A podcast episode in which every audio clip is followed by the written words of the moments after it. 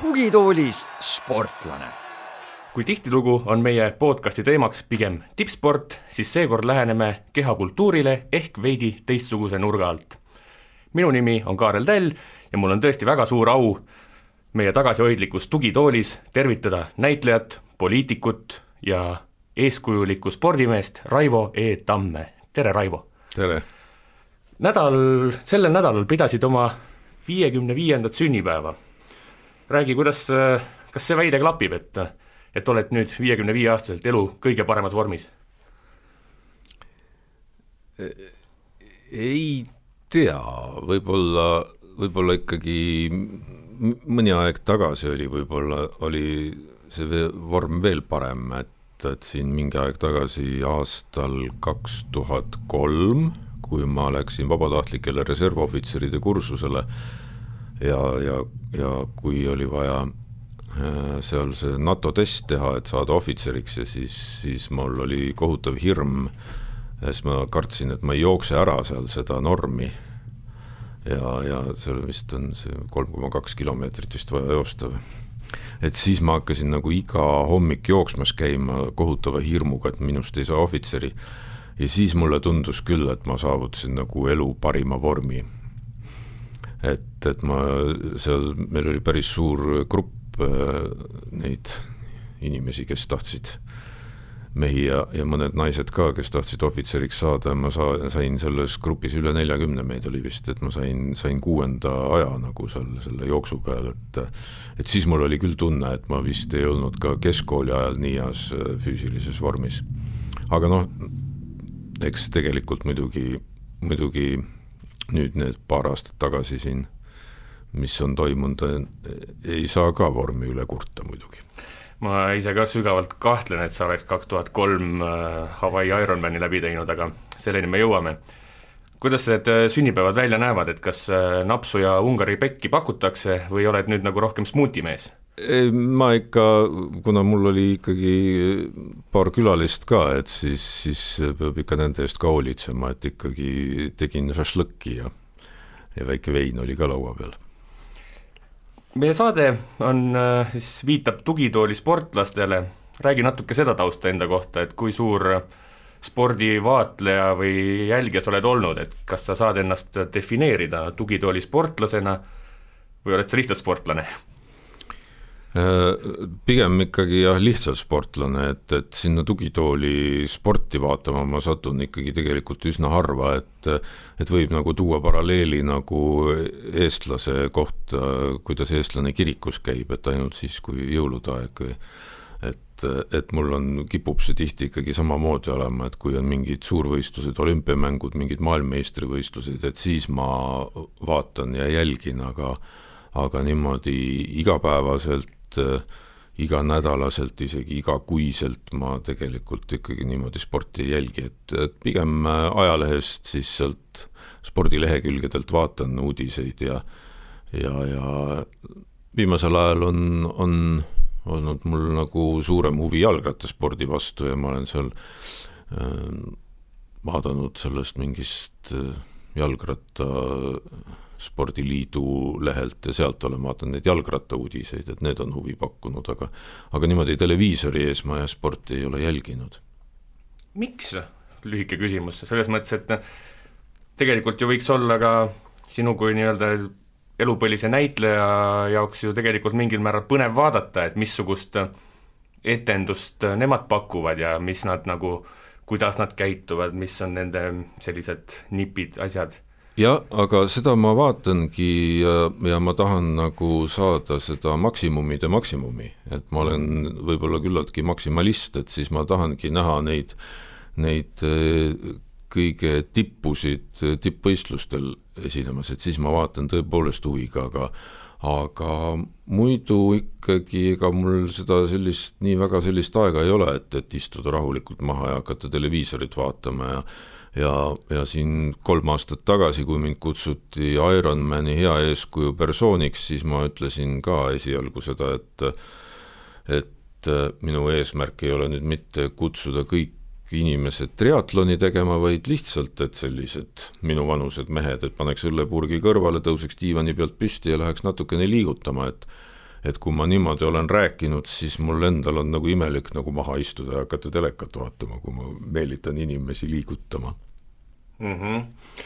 sa oled seda lugu tegelikult noh, eks korduvalt ja korduvalt rääkinud, seesama sinu see e eeskuju projekt,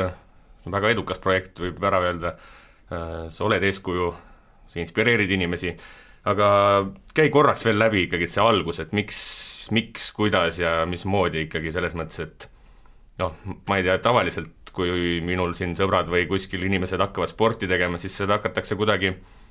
tasapisi tegema. sina lendasid kohe peale triatlonitele, et kes see sind sinna ikkagi nüüd kutsus ja kui raske see otsus sinu jaoks oli? Äh, see otsus ei olnud minu jaoks raske, sellepärast et ma olin ju ikkagi kursis kõikide nende eelnevate hea eeskuju persoonidega, sest et need on ju alati ikkagi meediast läbi käinud juba seal Kerli Padar ja ja Toomas äh, Luhats ja kes seal kõik varem on olnud, Raivo Rimm, kes iganes, ma olen alati äh, näinud seda meedias, et keegi on jälle sinna kutsutud. Ja, ja siis viima-, viimane oli siis, enne mind oli ka Tanel Padar, eks ole, ja iga kord, kui jälle meedias äh, välja kuulutati, et keegi on sinna kutsutud sellisele väljakutsele, siis mul alati sees natukene kihvatas, et miks mind ei kutsutud. Ma oleks ka tahtnud minna võib-olla, et tegelikult ma olin nagu selleks valmis, et kui see ootamatu kõne tuli, siis tegelikult ma olin kusagil sisemas, juba ootasin seda kõnet, aga see kõne tuli sellel põhjusel, et et mul on selline tunne, et elus üks asi viib teiseni, et, et pole mõtet kunagi ei öelda, eriti kui sa saad aru, et tegu on huvitava ja hea asjaga. et äh, kuigi ma arvan, et noh, see Su nägu kõlab tuttavalt saade, et äh, nii mõnigi näitleja võib-olla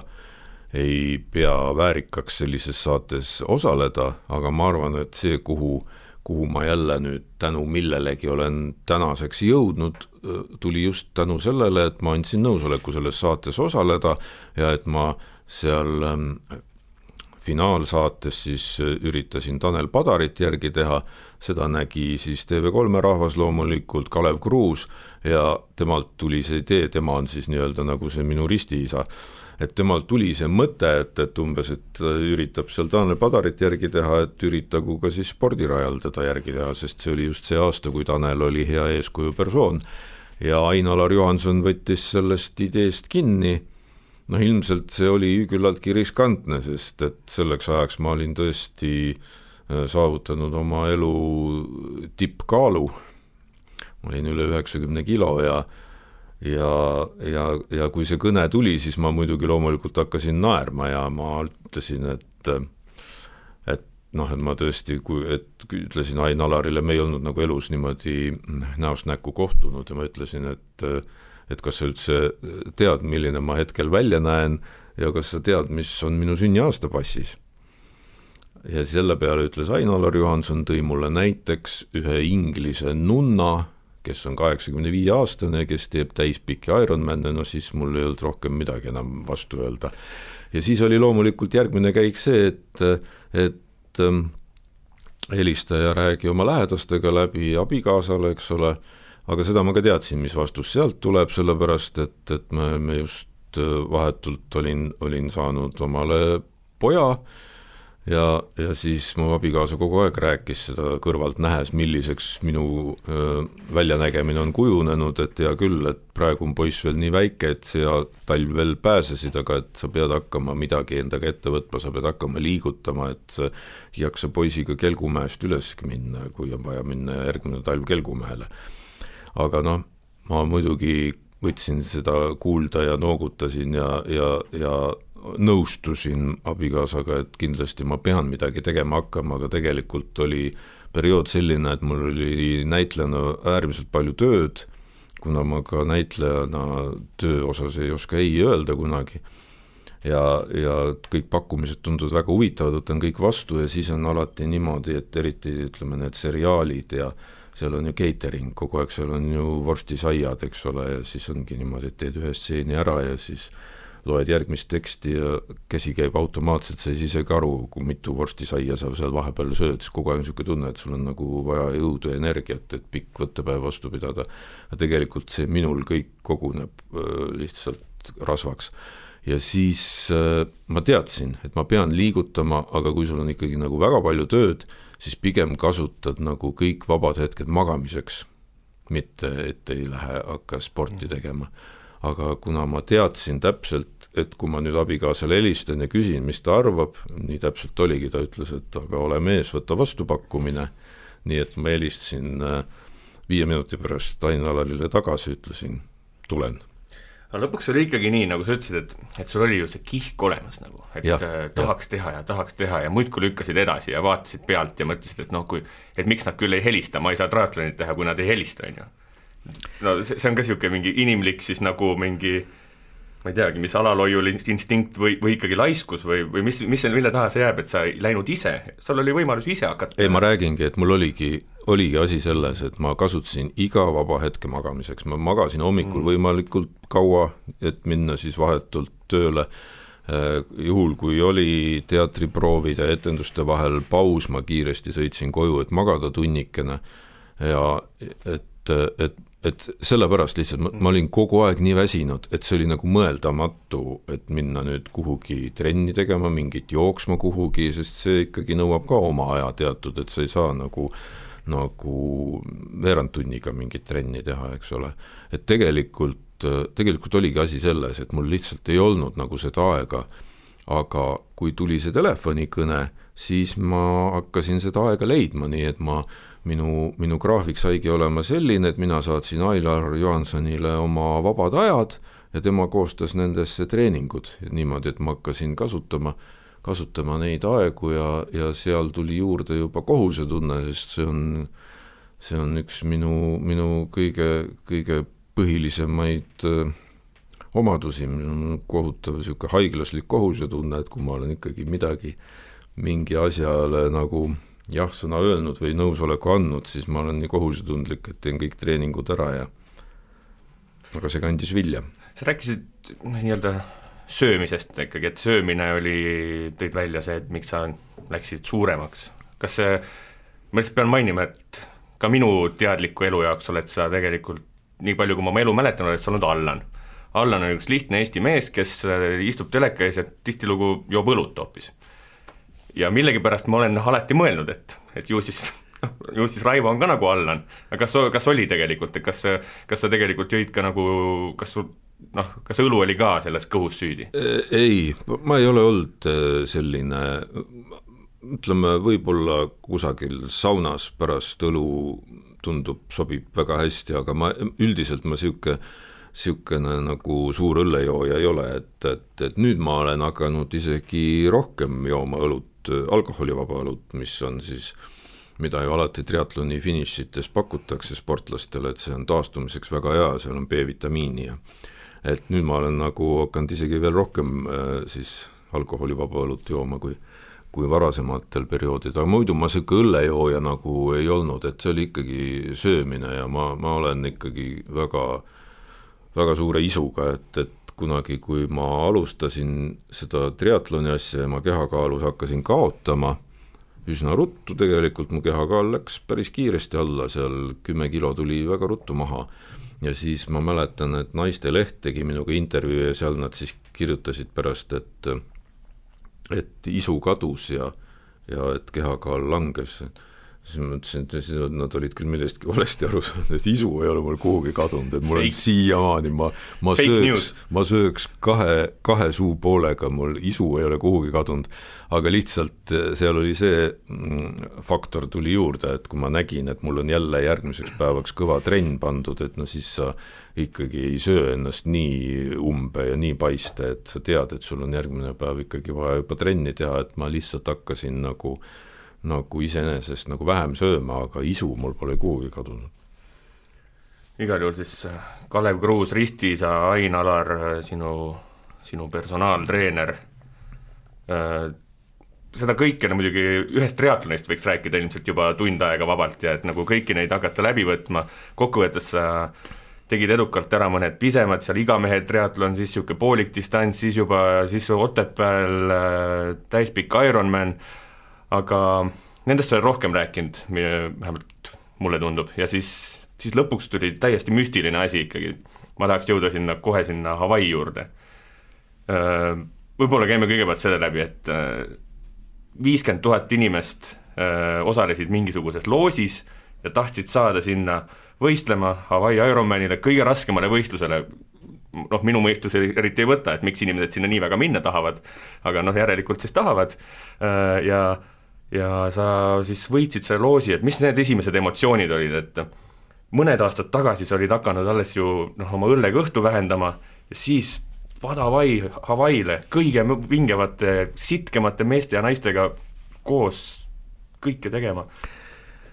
tegelikult see viiskümmend tuhat inimest valis arvuti välja, need ei olnud need inimesed, kes tahaks, aga ma saan aru, et tegelikult kõik niikuinii tahavad, see on kõikide triatlonistide eluunistus, kes üldse selle asjaga vähegi tõsisemalt tegelema hakkavad,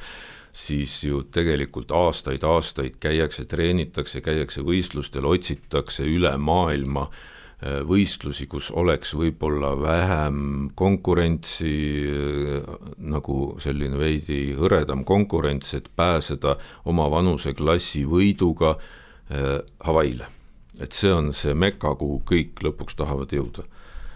mina, mina noh, sa ju ei osanud unistadagi sellest? ei, ei, ei, sest ma elu sees, mina olen alati viimaste seas finišis. ma olen niisugune tagaotsas tiksuja vaikselt, et, et ma teen niimoodi oma treeninguid, tiksun vaikselt ja see on ilmselge, et kuna ma ei ole olnud kunagi mingi sportlane, siis ilmselgelt, et Äh, teised triatlonistid äh, ilmselgelt peavad mind äh, metsarajal, jooksurajal sussisahistajaks ja jalgrattaga maanteel tšainikuks ja, ja nii edasi ja kui ma ujulas ujun, siis vasakult ja paremalt minnakse must mööda, et, et ma olen aeglane ja, ja nii ongi ma olen üldse, olengi loomu poolest aeglase loomuga ja ma teen treeninguid aeglaselt ja ma ka võistlen aeglaselt, aga ma tulen lõpuni, ma ei jäta pooleli. et sel-, selline mees ei jõua mitte iialgi e, Hawaii'le mm. -hmm. sest sinna saab, kui sa võidad oma vanuseklassi ja no need on ikkagi ulmelised tegelased, kes oma vanuseklasse võidavad, no ütleme näiteks äh, tänane sünnipäevalaps Jürgen Ligi, eks ole, noh tema on see, kes võidab oma vanuseklassi, kes, inimene, kes, kes teeb, kes on kogu aeg teinud trenni, kes teeb iga päev trenni, ta on, ta on täiesti teine klass, noh et tema käib ikka minust, mina näen ühe võistluse juures ikkagi paar korda tema selga jooksuringil ja nii edasi, eks ole. et sellised mehed lähevad Hawaii'le ja sinna saavadki ainult nagu parimatest parimad, aga on siis veel võimalus see, et juhul, kui keegi ei taha, sest sa pead sinna ise maksma osavõtumaksu, lennukipiletid, kõik, et kui kellelgi ei ole näiteks sellist võimalust ja, ja keegi ei taha ja loobub sellest kohast, siis seal alati on inimesed kõik nagu stardivalmis ootavad, et äkki keegi langeb eest ära, äkki mina saan ja niimoodi käiakse üle maailma. ja aastaid mõned, noh, ma olen kuulnud, et, et no, ühel kohtumisel seal mingis kosmoseagentuuris, ma olen seal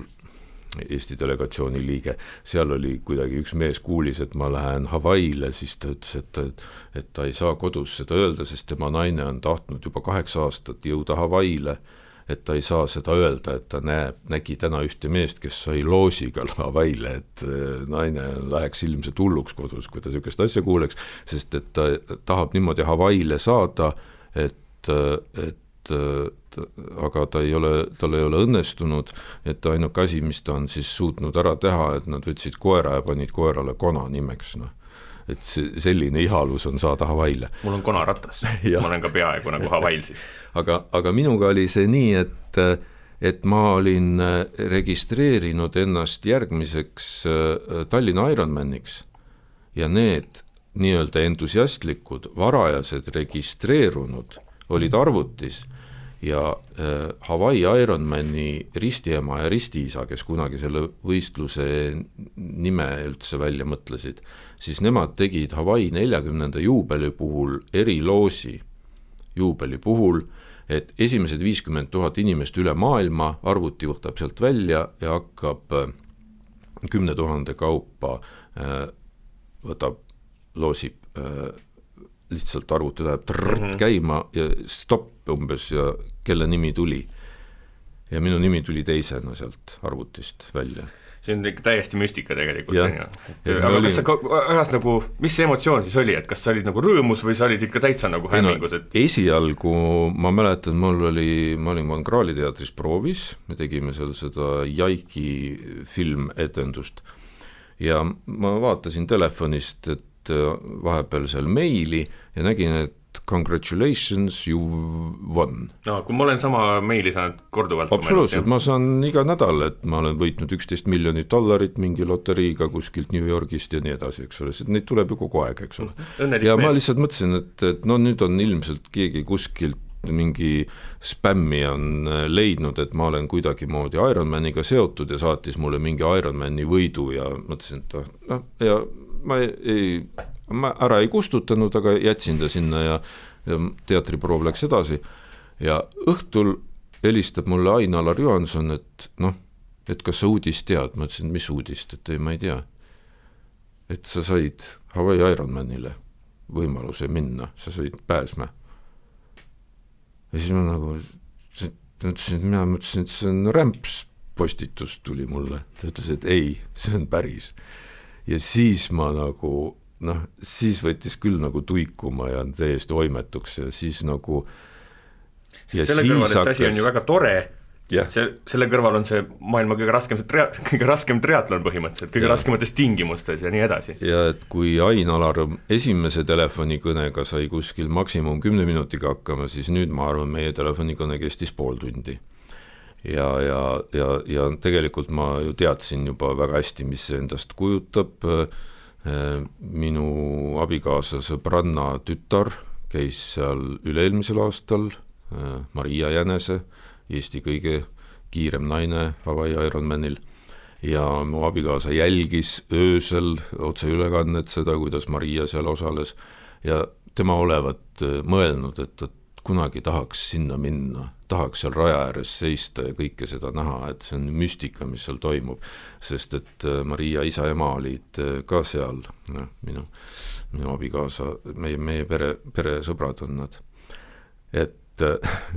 mu abikaasa unistas sinna minekust, mina mitte. ja siis see tuli ja siis me üks hetk olime seal ja siis mu abikaasa istus seal ja mõtles, et no kuida kurat see nüüd veel võimalik oli, et me nüüd siia saime niimoodi, et noh. eriti kui see... mõelda tagasi kolm aastat tagasi, kus, kus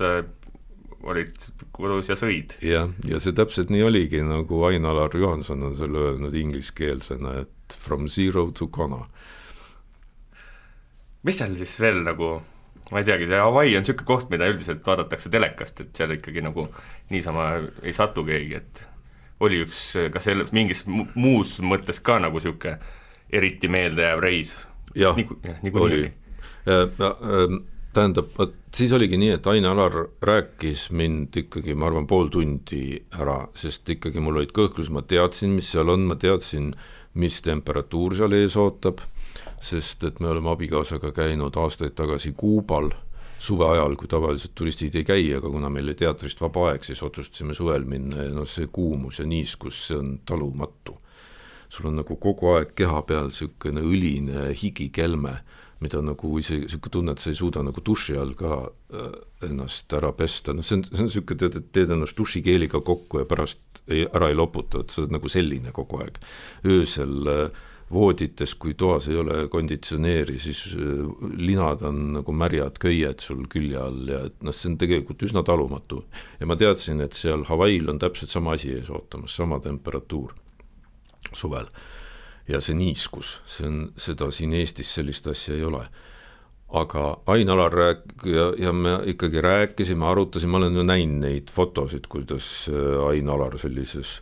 õlises higikelmes jookseb, pildid on, ta on ju seal korduvalt ja korduvalt osalenud ja teinud seal imelisi tulemusi.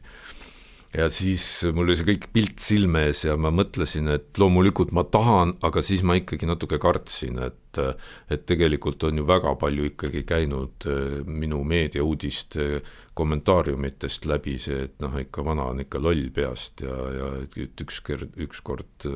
ükskord matused on ja nii edasi, eks ole, et see infarkt ükskord tuleb. seal on äh, sadu kommentaare on tihtilugu olnud all, ma pole ise neid avanud, mul aga ja, ja siis äh, loomulikult need ka mõjuvad, eks ole, et tõesti mingi hetk hakkad mõtlema, et äh, jah,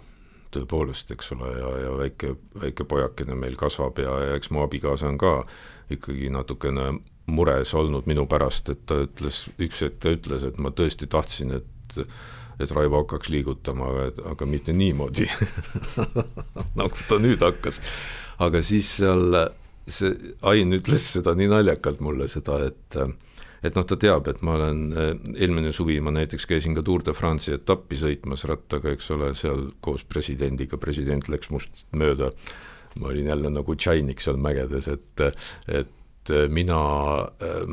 tõusud ja mäed mulle ei sobi. ja sa läksid, sa läksid ikkagi seda Tour de France'i ühte kõige raskemat etappi sõitma, eks ole? jah, et seda ka kutsuti, et see tuleks, et kui oled nagu treeninud ennast ja hea ratas on sul, et siis võiks korra see ka ära vaadata, noh aga ma seda muidugi lõpuni ei teinud, et äh, ma tundsin, et ma juba, tegelikult ma hakkasin juba hoidma ennast nagu Hawaii jaoks, aga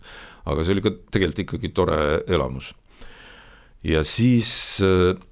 et mulle nagu tõusud ei sobi, mäed ei sobi ja siis Ain-Alar rääkis mulle niimoodi ja, ja mul, mulle ei meeldi külm vesi.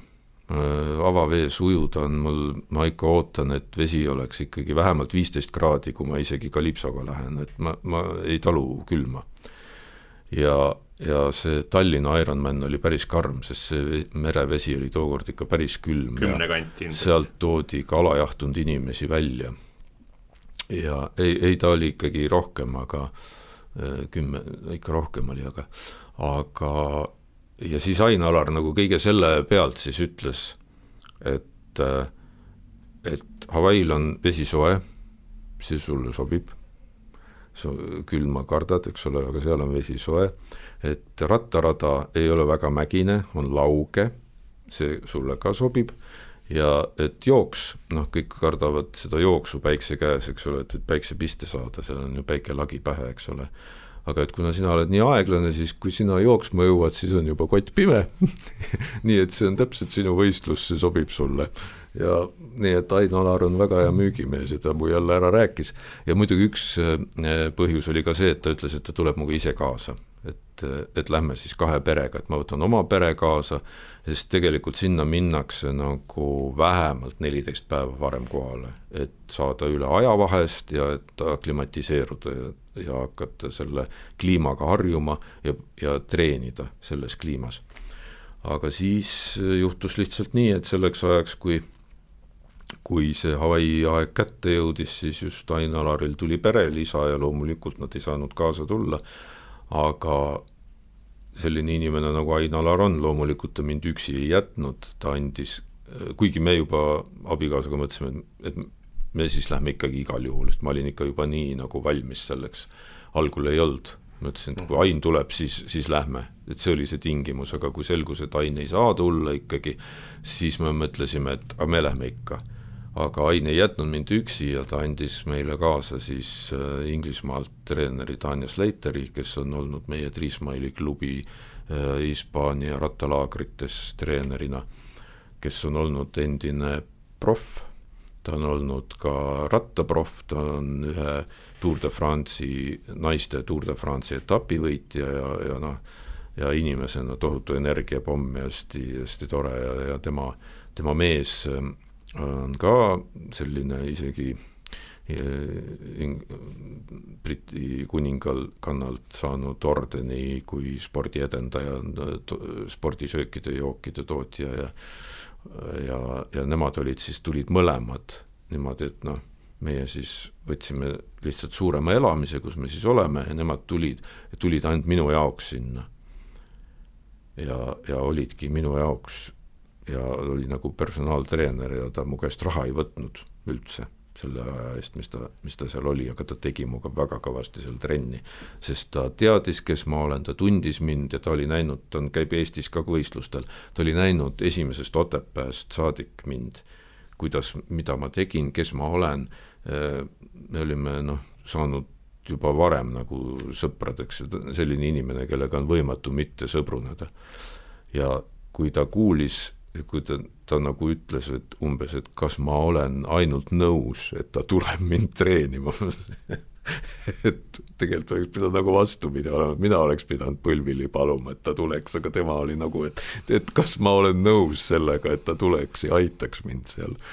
ja ta oli fantastiline, see, mis ta seal tegi, et see oli nagu parim, mis minuga Aini kõrvalt juhtuda sai, et ta, ta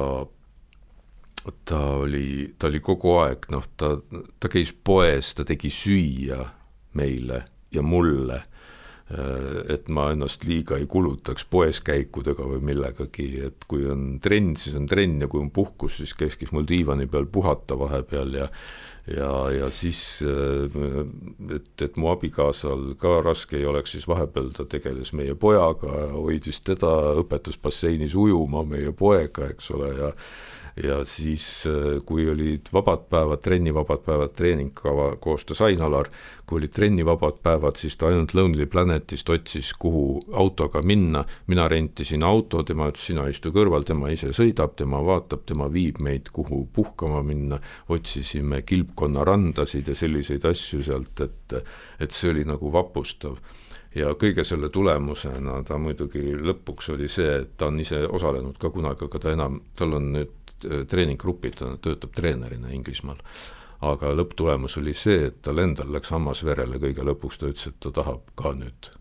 järgmisele Hawaii'le kvalifitseeruma hakata, sest talle hakkas see kõik, tuli nii meelde. Ja, ja muidugi see, see õhkkond ja see kõik, mis seal on, see on, see on, see on vapustav, et ma mäletan seda, et kui me läksime, äh, lendasime Frankfurdist San Franciscosse, et sealt edasi minna siis San Franciscos seal tollis, eks ole, või seal piiripunktis oli piirivalvur, küsis, eks ole, et kuhu te lähete, mis te teete, ma ütlesin, et Hawaii Ironmanile. What? Oh my god, I can't believe soovis meile õnne ja noh, et, et see Ameerikas, see on midagi erilist, see, see Hawaii Ironman, see on noh, seda ma ei tea, kas eestlane, kes seal niimoodi käinud ei ole või näinud ei ole seda, kas ta üldse suudab seda ette kujutada, mis see on tegelikult. seisis lõpuks seal viisteist tundi rajal ja ausalt öeldes mitte keegi ei suudagi seda ette kujutada, viisteist tundi ja rohkemgi, et äh, no okei okay,, Ainar kujutab ette ja need teised, kes on käinud, aga tegelikult ju noh, me ei suuda päris hästi aru saada. ja üksikasjadesse võib-olla ongi raske nagu noh, viieteisttunnise perioodi peal nagu süübida, aga võib-olla mis sa tegid seal nagu ikkagi, selles mõttes, et ma mõtlen, mis su peas toimus, et sa, see on selge, et sa ujusid ja sõitsid rattaga ja jooksid, aga viisteist tundi on päris pikk aeg endaga hakkama saamiseks, kui ükskõik, mida ma teen viisteist tundi, seda on väga raske teha. ja siis sa valisid veel noh, põhimõtteliselt kõige raskema asja üldse, mida teha, mis su peas toimus, mida sa mõtled, mida ma ei teagi, mis, mis toimub ajus ega ikkagi needsamad, samad mõtted, mis inimesel iga päev ajust läbi jooksevad, kuskil on ju statistika olemas, palju inimesel minutis või, või tunnis mõtteid pea ajust läbi läheb, et täpselt sama toimub seal, et, et, et kui mu käest on küsitud, et, et, et mida sa seal mõtled sellel ajal, noh näiteks rattarajal, kui ma olin vist seitse tundi, eks ole, sõitsin ratast, et et siis vastus on, et noh, selle ajaga jõuab kõik ära mõelda. Et vist ükski mõte ei jää mõtlemata,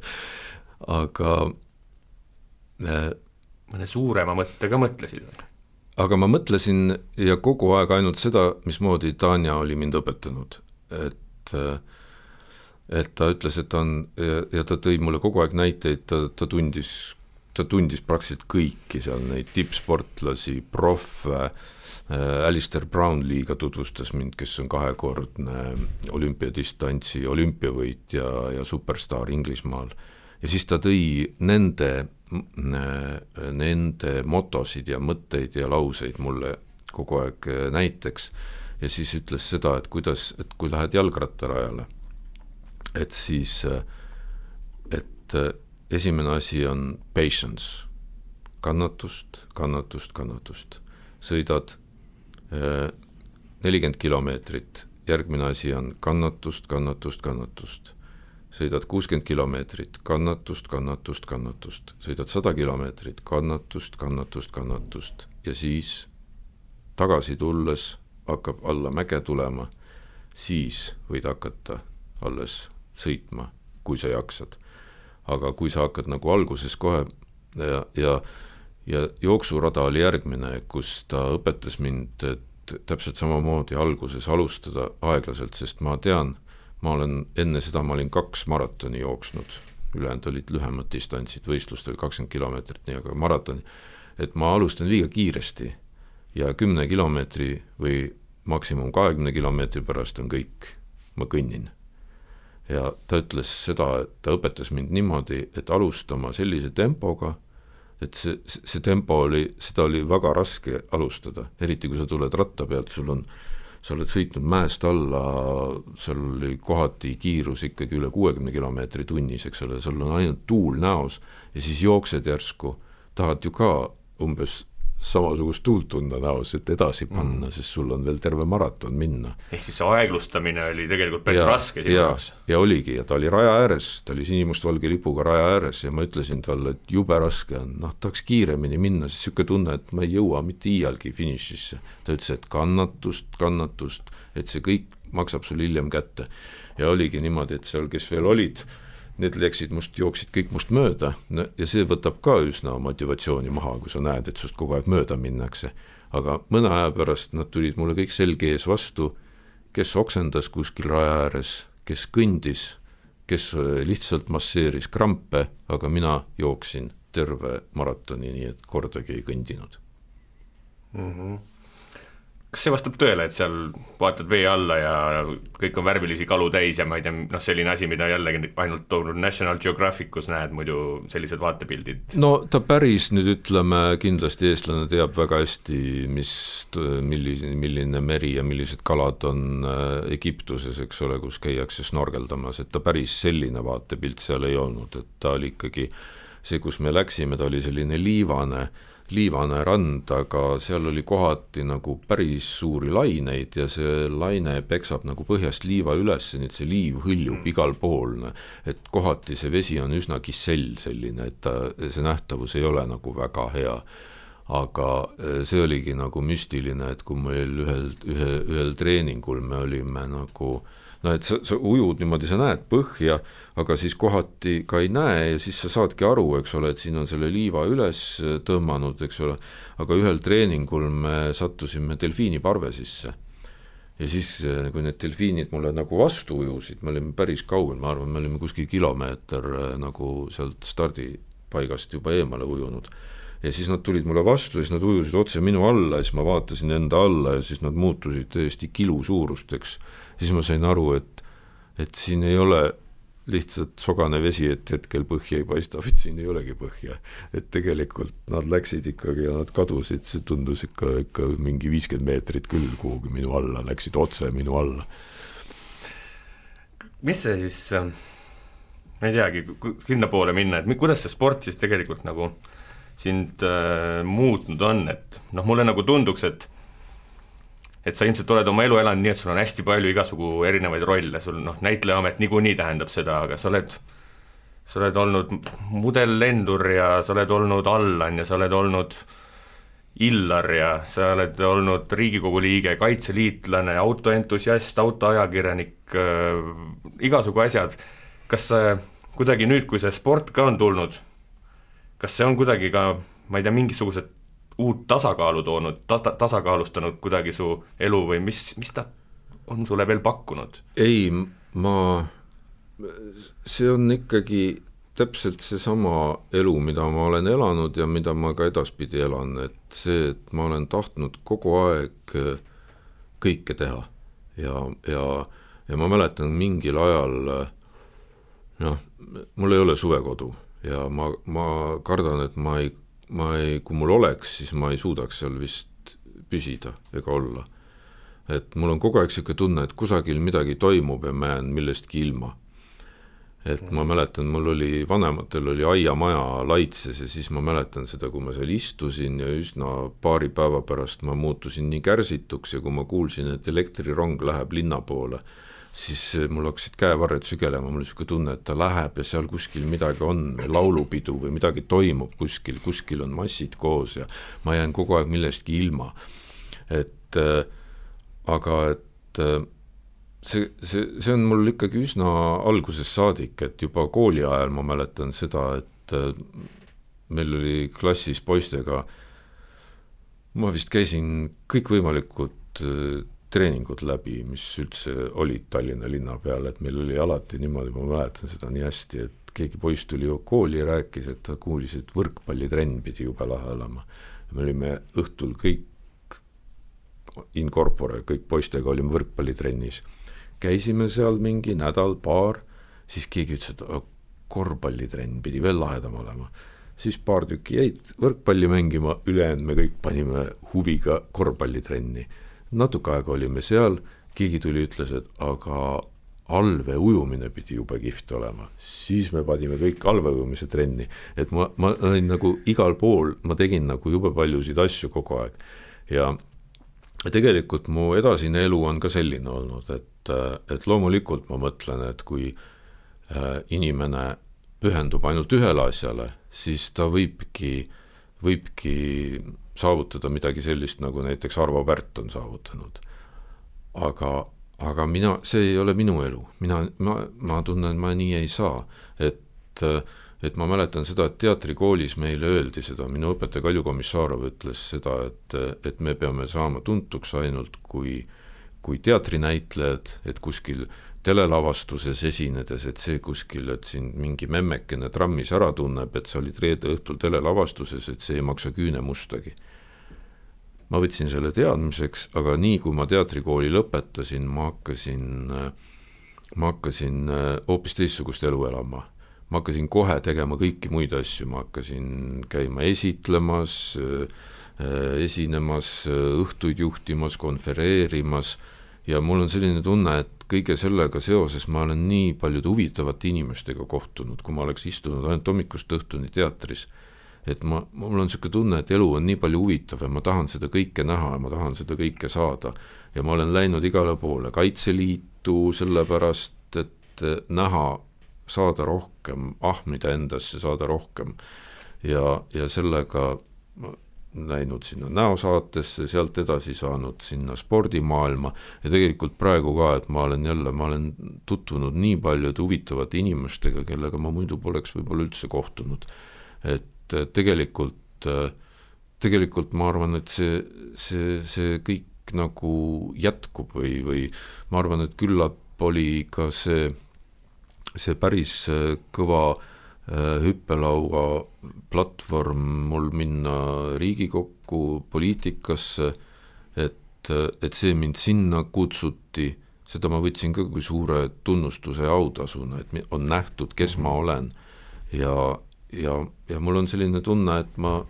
et neid astmeid tuleb veel, kuhu edasi minna. Sa peaaegu tõestasid ära, et see on isegi nagu loogiline asjade käik, et sa käisid Hawaii Ironmanil. Müstiline mees oled igal juhul kunagi ükskord varem äh, siin ühes teises podcastis, jalgpalli podcastis, käis külas Vanemuise teatrinäitleja Priit Strandberg ja siis temaga nagu proovisime ka noh, filosofeerida sellisel teemal, et nagu spordi ja näitlemise siis nagu ühisosa leida. et, et kuskilt maalt äh, on nagu väga palju sarnasusi, et astutakse publiku ette lavale, tehakse show'd, müüakse pileteid, tegelikult publik ootab emotsiooni ja nii edasi ja siis kuskilt tuleb väga suur erinevus sisse äh, just võib-olla siis stsenaariumi koha pealt, et äh,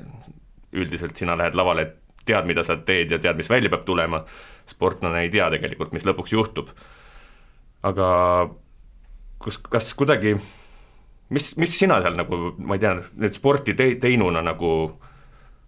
sellist ühisosa tunneksid, kas sa astud ka triatloni finišis nii-öelda lavale, kas sa, kas sa oled tundnud, et sa nii-öelda oled ka siis artist, näitleja mingis mõttes, kui sa nii-öelda teed sporti? ei, vot seal ma ikkagi seda ühisosa ei tunne, et, et mul on täpselt meeles see, see minu esimene triatlon, mis oli siis Tartus, Tartu Mill igamehe triatlon, ja see finiš siis, see emotsioon, see oli midagi nii vapustavat ja, ja nii võimsat, et äh, pärast, kui ma rääkisin Tiit Paluga, kes on selline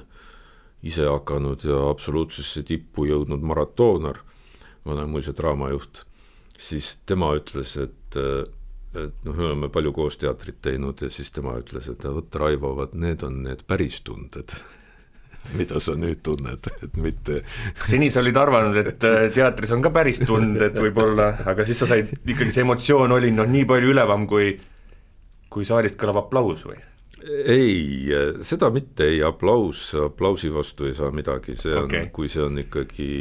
kui see on südames, siis see on midagi, midagi head teinud ja sa saad aru, et sa oled midagi head teinud, siis see aplaus on, see on ka ikkagi vapustav, aga aga lihtsalt need tunded, mida sa seal laval teed, tihti ei pruugi ikkagi päris, päris no sa ju teeskled mm -hmm. neid tundeid, aga, aga see, mis sa seal spordivõistluse finišis tunned, seal ei ole teesklust, see on ikkagi, kui sa nagu noh, et sa ei, sa ei, sa ei pea üldse esikolmikusse jõudma, seal ma olin jälle ikkagi kuskil viimaste meeste seas, aga, aga see, see tunne, et ma tõesti tegingi selle läbi ja siis äh, järgmine oli juba pikem distants Valgas, ma mäletan seda, et, et kui ma olin just mõni aeg tagasi alles alustanud kepikõnniga, et saada oma kehakaalu alla,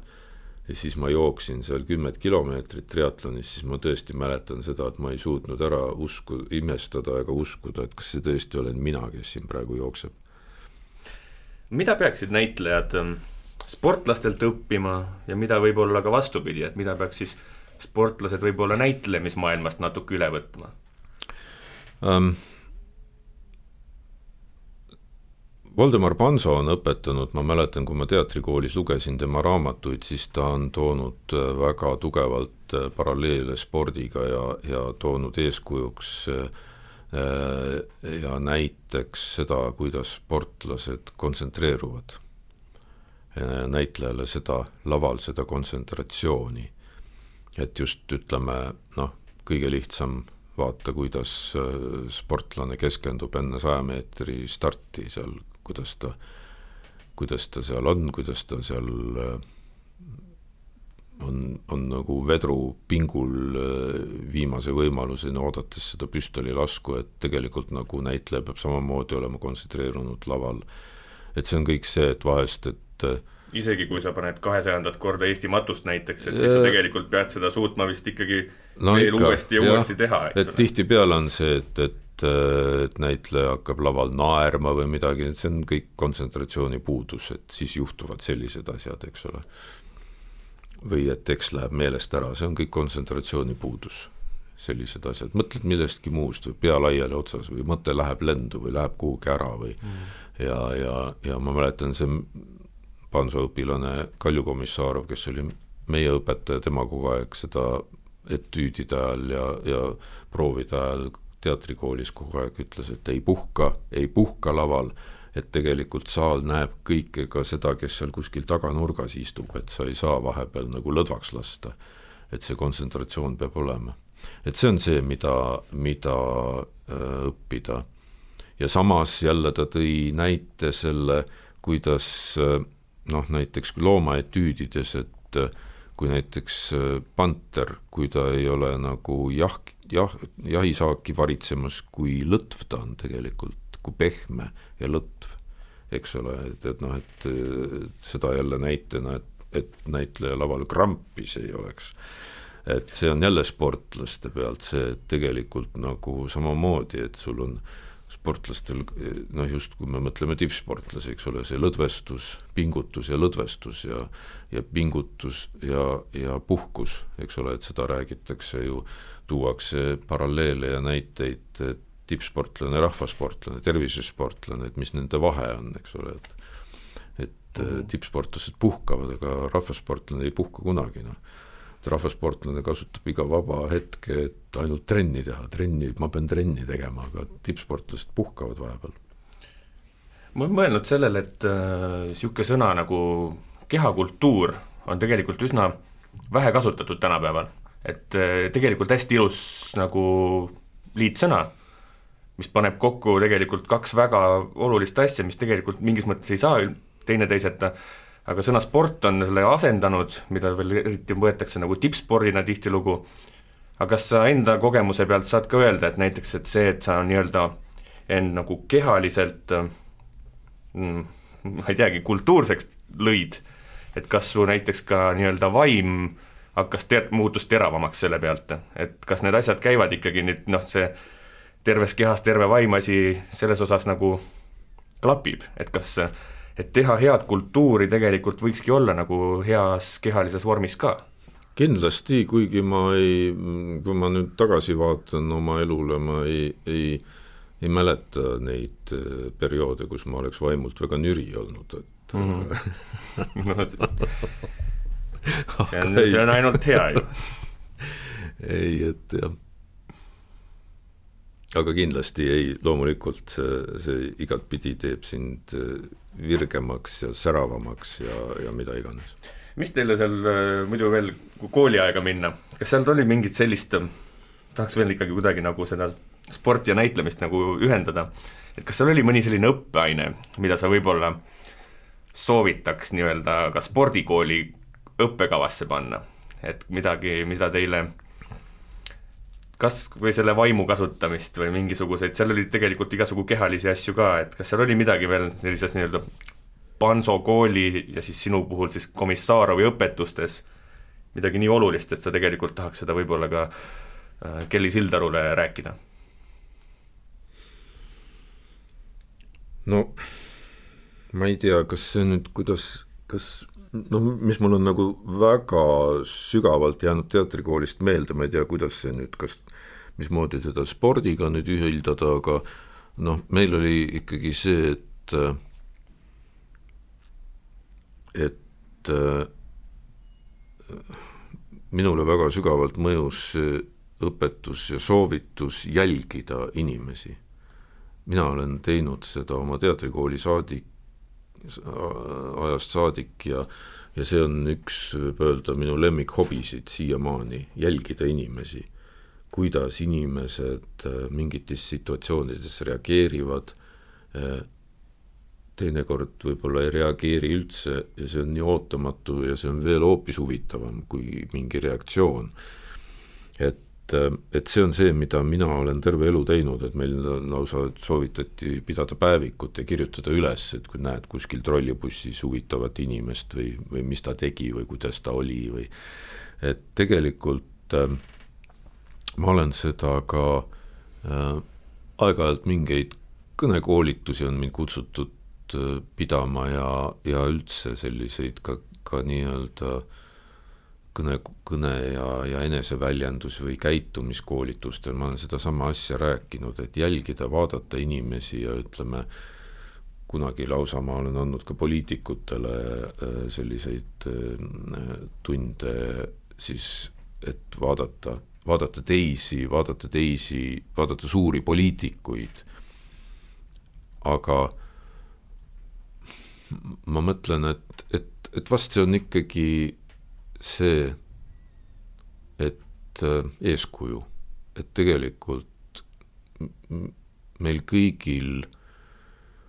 ma ei tea, kas on vaja, aga tegelikult sa ei saa võib-olla isegi aru, aga et sul on ikkagi eeskujud kõigil meil, me, kedagi me ikkagi imetleme, kedagi me vaatame, kellegi poole me ihaleme ja tegelikult äh, mm, võib-olla üks asi, et äh, mingil hetkel sa, sa, võib-olla sa ei saa ise aru, et mingil hetkel sa oled ise järsku see kellegi eeskuju. et äh, noh, ma mäletan seda, kuidas äh, kuidas ma kunagi vanaemaga Mustamäel kõndisin ja me nägime, vanaema näitas mulle, et vaata, Ervin Aabel läheb et see, kuidas inimesed näitavad näpuga ja vaatavad, eks ole, ähm, noh, see on ka selline mitme otsaga asi, eks ole, et, et kuidas nagu äh, natuke piinlik situatsioon või keegi näitab näpuga või niimoodi, no tegelikult tänaseks päevaks ma olen nüüd jõudnud ise sinnasamasse, et et noh, mind, mind tuntakse ära, minu peale näidatakse näpuga, vaadatakse, et et, et sellist asja ei saa tegelikult mitte kellelegi pahaks panna. et ja ma arvan, et ka sportlaste puhul, et noh, ma tean, et on olnud mingeid kuskil käinud läbi mingid uudised, et keegi sportlane tuli, rahvas läks vastu, sportlane hiilis tagant ukse kaudu minema, ei tahtnud näha. Ehm, teinekord isegi, isegi see, kui sa ei ole võitnud kuldmedalit, on läinud sul natuke kehvemini, et ehm, ei ole vaja nagu oma fännidele selga pöörata või nende eest ära põgeneda, sellepärast et, et sa võid ikkagi olla kellegi eeskuju edasi ja, ja keegi on, on sulle kaasa elanud ja pöialt hoidnud, et et võib-olla jõudsin sellise mõtte juurde lõpetuseks välja. see on päris ilus mõte, kas sa, ma jõudsin sind kuulates natuke sellise mõtteni, et noh, ma olen muidugi päris kindel ja sinu CV-d vaadates äh, üsna selge on, et sa ei ole olnud kunagi nii-öelda või siis tähendab, et sa oled olnud pigem väga endasse uskuv inimene ja et sa oled nagu enesekindel. aga kas sa nüüd veel oled ikkagi selle nende Hawaii'l ja ka Otepääl ja Tallinnas ja nii edasi ähm, saavutanud mingi täiesti uue taseme, et sa vist enam ei usu mingitesse piiridesse või, et selles mõttes, et inimene ongi vist kõigeks võimeline, tundub või? Jaa, mulle meeldib see väga, see, et, et inimene on kõikvõimas, seda ma äh, kuulsin tihti, kui ma käisin, mulle väga meeldis selline inimene nagu Gunnar Aarma ja ma käisin veel tema viimastel eluaastatel tihti tema juures lihtsalt teda kuulamas. ja vahest äh, rääkisin ka mõne enda loo ja selle peale Gunnar Aarma ütles siis kohati irooniliselt muiates, et nojah, inimene on ju kõikvõimas, nii et seda lauset võib ka mitut moodi öelda, aga aga tegelikult äh, noh, tõepoolest, et Mm, et inimvõimetel tundub tõepoolest, et ei ole piire, kuigi mina tean, et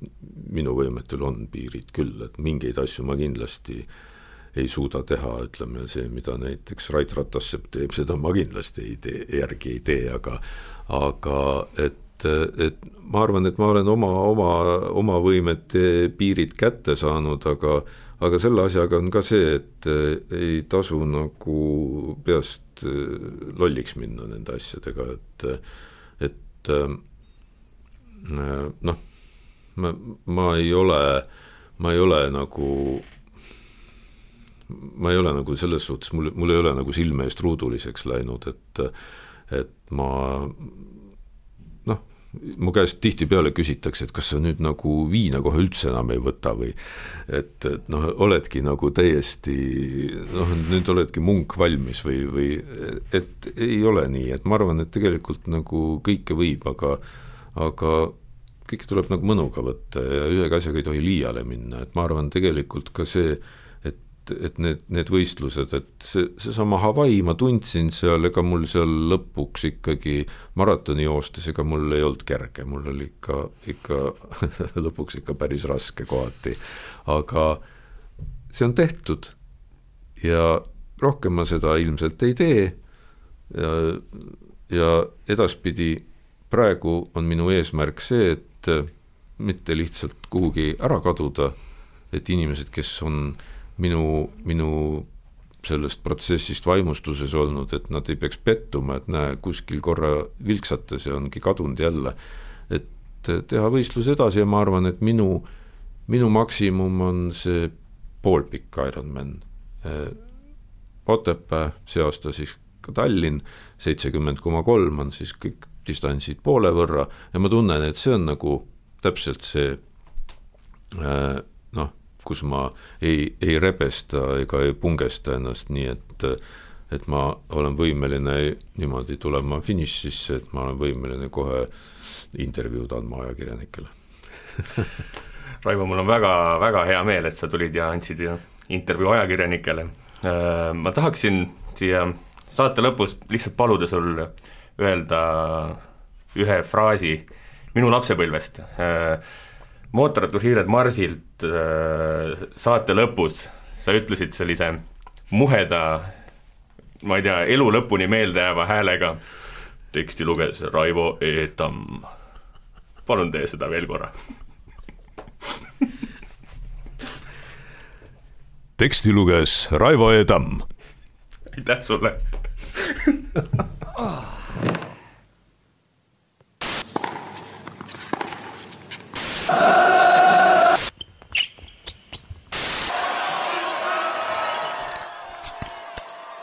tugitoolis sportlane